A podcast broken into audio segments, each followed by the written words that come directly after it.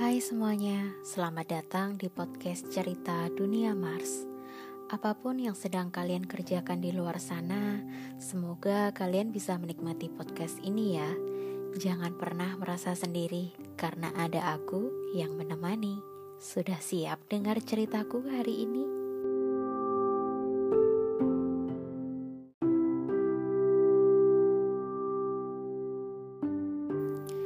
Di episode kali ini, aku pengen cerita tentang hal sepele yang sering kali terjadi di kehidupan kita sehari-hari.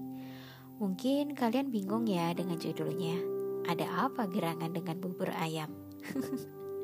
Oke, okay, jadi ceritaku kali ini diawali dengan kondisi waktu pertama kali pulang dari Guangzhou. Siapa yang akan mengira kembali pulang ke tanah air ternyata juga butuh adaptasi ulang dengan keadaan sekitar. Dari kebiasaan bangun pagi, kebiasaan makan, menu makanan, bahkan berbelanja di mall pun butuh penyesuaian ulang. Ya, memang sih setiap tahun pasti balik ke Indonesia kok kalau lagi summer holiday. Tapi itu pun juga hanya satu bulan setengah paling lama dan biasanya jarang ke mana-mana. Jadi, ia nggak cukup banyak merasakan perubahan yang signifikan di kehidupan sehari-hari. Nah, berhubung di tahun 2020 ini kelangsungan hidup saya harus pindah ke Indonesia, jadi perlahan mau nggak mau belajar adaptasi lagi dengan lingkungan sekitar. Nggak dipungkiri sih, selama hidup merantau di negara orang, kita pasti punya habit-habit baru yang sebelumnya belum pernah kita lakuin. In my case, let's say menu breakfast. Ada perubahan soal menu breakfast. Sebelum aku sekolah di Guangzhou, menu sarapanku ya selayaknya orang Indonesia pada umumnya. Indomie goreng pakai nasi, atau nasi putih dan telur ceplok, atau nasi goreng kadang-kadang. Ya, intinya sih hariku selalu dimulai dengan sarapan karbohidrat tinggi. Tapi menu makanan ini juga berubah sejak hidup di Guangzhou. Dari nasi berubah jadi roti. Bahkan porsi makanan pun ikut berubah. Yang tadinya cuma sanggup setengah piring nasi, selama di Guangzhou sanggup menghabiskan satu setengah kali lipat porsi nasi yang biasa aku makan di Indonesia. Ya bisa dibilang porsi makanan di Guangzhou itu Portugal alias porsi tukang gali. Ya awalnya pasti nggak habis lah ya. Tapi lambat laun karena kebiasaan dan kebutuhan energi lebih jadi sanggup buat ngabisin. Kenapa dibilang butuh energi lebih? Ya karena hidup di sana tuh banyak aktivitas jalan kakinya lebih sering gunain fasilitas transportasi umum bus, MRT. Sedangkan kalau taksi opsional sih ya, karena dari segi harga ya taksi jauh lebih mahal gitu. Nah, karena habit sarapan roti ini berlangsung selama bertahun-tahun, jadi kebawa terus sampai pulang ke Indonesia. Dan ternyata habit ini cukup mengejutkan loh buat anggota keluarga yang ada di rumah. Secara mereka tahu dulu kita semua sarapannya sama-sama nasi nih. Nah, yang kaget duluan ya tentu si Koko ya. Karena bulan Januari kemarin sempat tinggal bareng Koko di Jakarta kurang lebih selama sebulan. Dan sejak hari itu, dia sendiri melihat dan menyaksikan kebiasaan hidup adiknya sehari-hari. si Koko tentu aja bingung dan terheran-heran. Tapi ya dia personally nggak ada masalah sih dengan perbedaan menu sarapan di antara kita berdua. Namun sayangnya kondisi ini diresponi sedikit berbeda sama papa di rumah. Jujur aja papaku cukup terkejut dan gak bisa nerima kalau anaknya gak bisa sarapan nasi lagi.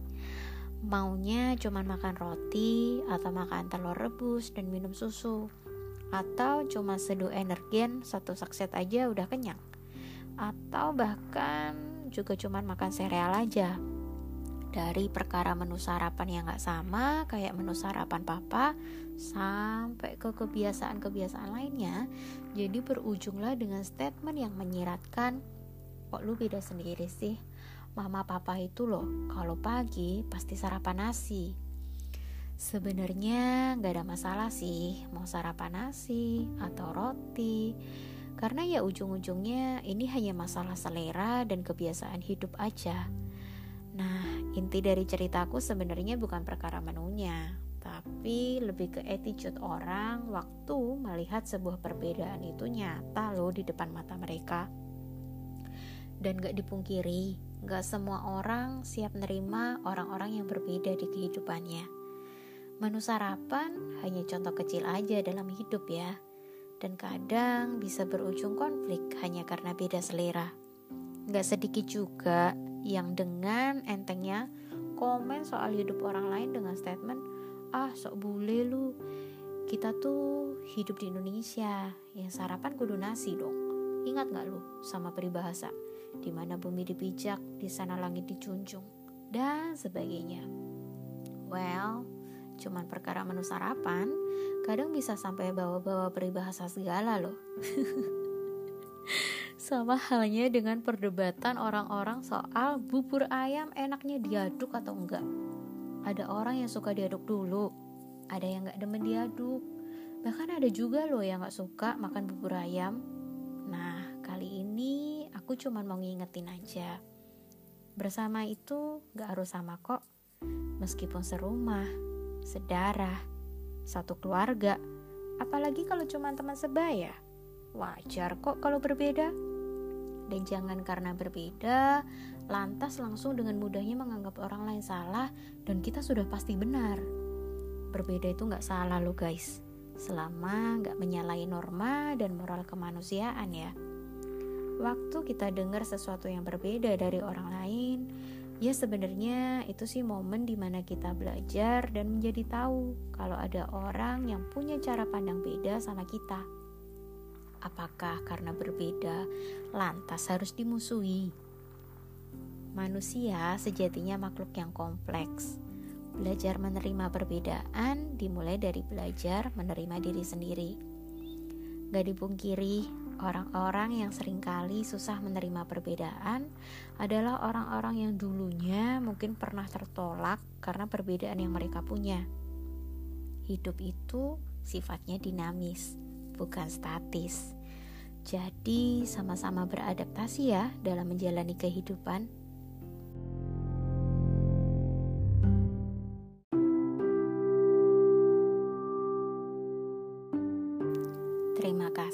Sudah mendengarkan ceritaku hari ini. Buat kamu di luar sana, ingatlah, bersama gak harus sama. Gak apa-apa kalau kamu punya sesuatu yang berbeda selama itu gak merugikan orang lain. Sejatinya kita diciptakan unik oleh Sang Pencipta. Lantas, kenapa menjadi terusik hanya karena perbedaan yang setitik? Sekian untuk ceritaku hari ini. Sampai jumpa di ceritaku selanjutnya.